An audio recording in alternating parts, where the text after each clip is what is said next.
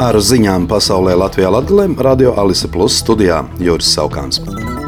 Ukrainas policija ziņo, ka vakar Krievijas raķešu trieciens par restorānu Donetskas apgabala Kramatorskā aiznesis desmit dzīvības. Starp nogalinātajiem ir trīs pusaudzes, viena 17-gadīga meitene un divas 14 gadus vecas māsas.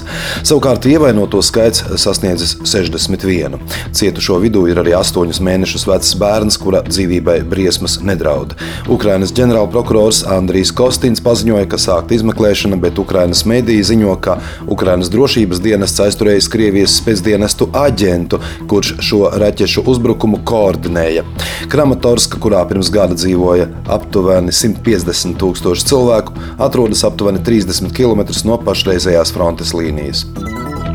Amerikas Savienotās valstis vakar noteica sankcijas algotņu grupējuma Wagner vadītāja Jevgeņija Prigožina kontrolētiem zelta ieguves un tirdzniecības uzņēmumiem Centrālā Afrikas Republikā. Konkrēti kompānijai Midas Resources un zelta un dimantu iepirkšanas uzņēmumam Diamville. Tāpat sankcijas vērstas pret apvienoto Arābu Emirātu uzņēmumu Industrial Resources General Trading, kas ir iesaistīts Daimville finanšu darījumos. Sankcijas aizliedz jebkādus darījumus ar šiem uzņēmumiem, kā arī paredz iesaldēt šo kompāniju aktīvus Savienotajās valstīs, ja tādi ir. Briselē panākta politiska vienošanās par likumu Eiropas aizsardzības industrijas nostiprināšanai un kopīgu aizsardzības iepirkumu veicināšanai. Nepieciešamība pēc lielākām Eiropas valstu investīcijām aizsardzībā, it īpaši kopīgos aizsardzības sistēmu iepirkumos, bija nobriedusi jau sen, bet Krievijas agresija Ukrainā to padarīja akūtāku. Rīgas domas ārējās komunikācijas nodaļa nākus klajā ar paziņojumu, ka Rīga ir gatava uzņemt dziesmu un deju svētku dalībniekus un pilsētas viesus.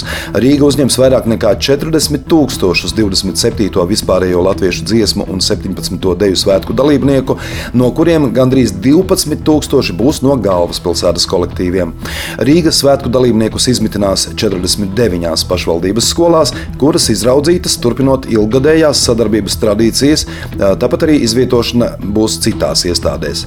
Lielākā daļa dalībnieku izmitināšanas vietu ir Daugavas labajā krastā. Austrumlatgales atkrituma apsaimniekošanas sabiedrība noslēgusi līgumu par atkritumu reģenerāciju ar sabiedrību G2.CLV par 3,6 miljoniem eiro. SIA G2.CLV bija vienīgais pretendents iepirkumā. Līgums stāsies spēkā augustā uz pieciem gadiem.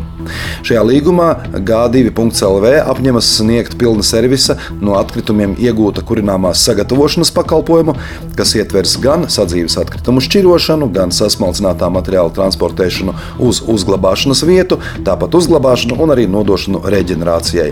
Atkrituma apsaimniekošanas valsts plānā 2021. un 2028. gadam viens no noteiktajiem mērķiem ir jau līdz 2035. gadam nodrošināt, ka poligonos apglabāto sadzīves atkritumu īpatsvars jāsamazina līdz 10% no kopējā radīto sadzīves atkritumu svara. Krāslavas novada pašvaldība informē par Krāslavas novada kapsētu digitālās datu bāzes izveidošanu. Dati būs pieejami jebkuram iedzīvotājam, līdz ar to ik viens var iesaistīties senu apbedījumu, apbedījumu bez pieminekļiem, atpazīšanā un informācijas papildināšanā. Projekta gaitā uzmērītas Dagdas, Andrupenes un Anzeļu kapsētu teritorijas, fiksējot katru apbedījuma vietu un uzrakstus uz pieminekļiem. Tika digitalizētas kapsētu grāmatas un arhīvu dokumenti, tādā veidā apkopojot visu informāciju informāciju vienā sistēmā ar detalizētu karti. Iedzīvotāji var iesūtīt informāciju par neprecizitātēm digitālajā kartē, tāpat bildes, informāciju par apbedījumiem bez pieminekļiem un e, citu noderīgu informāciju par piederīgajiem. Kapsētu datu digitalizācijas projekts realizēts ar lauku atbalsta dienesta finansējumu. Ar ziņām studijā bija Juris Saukāns. Projekta Ziņas bez robežām pasaulē Latvijā Latgalē ietvaros šo ziņu izlaidumu finansē Mediju atbalsta fonds.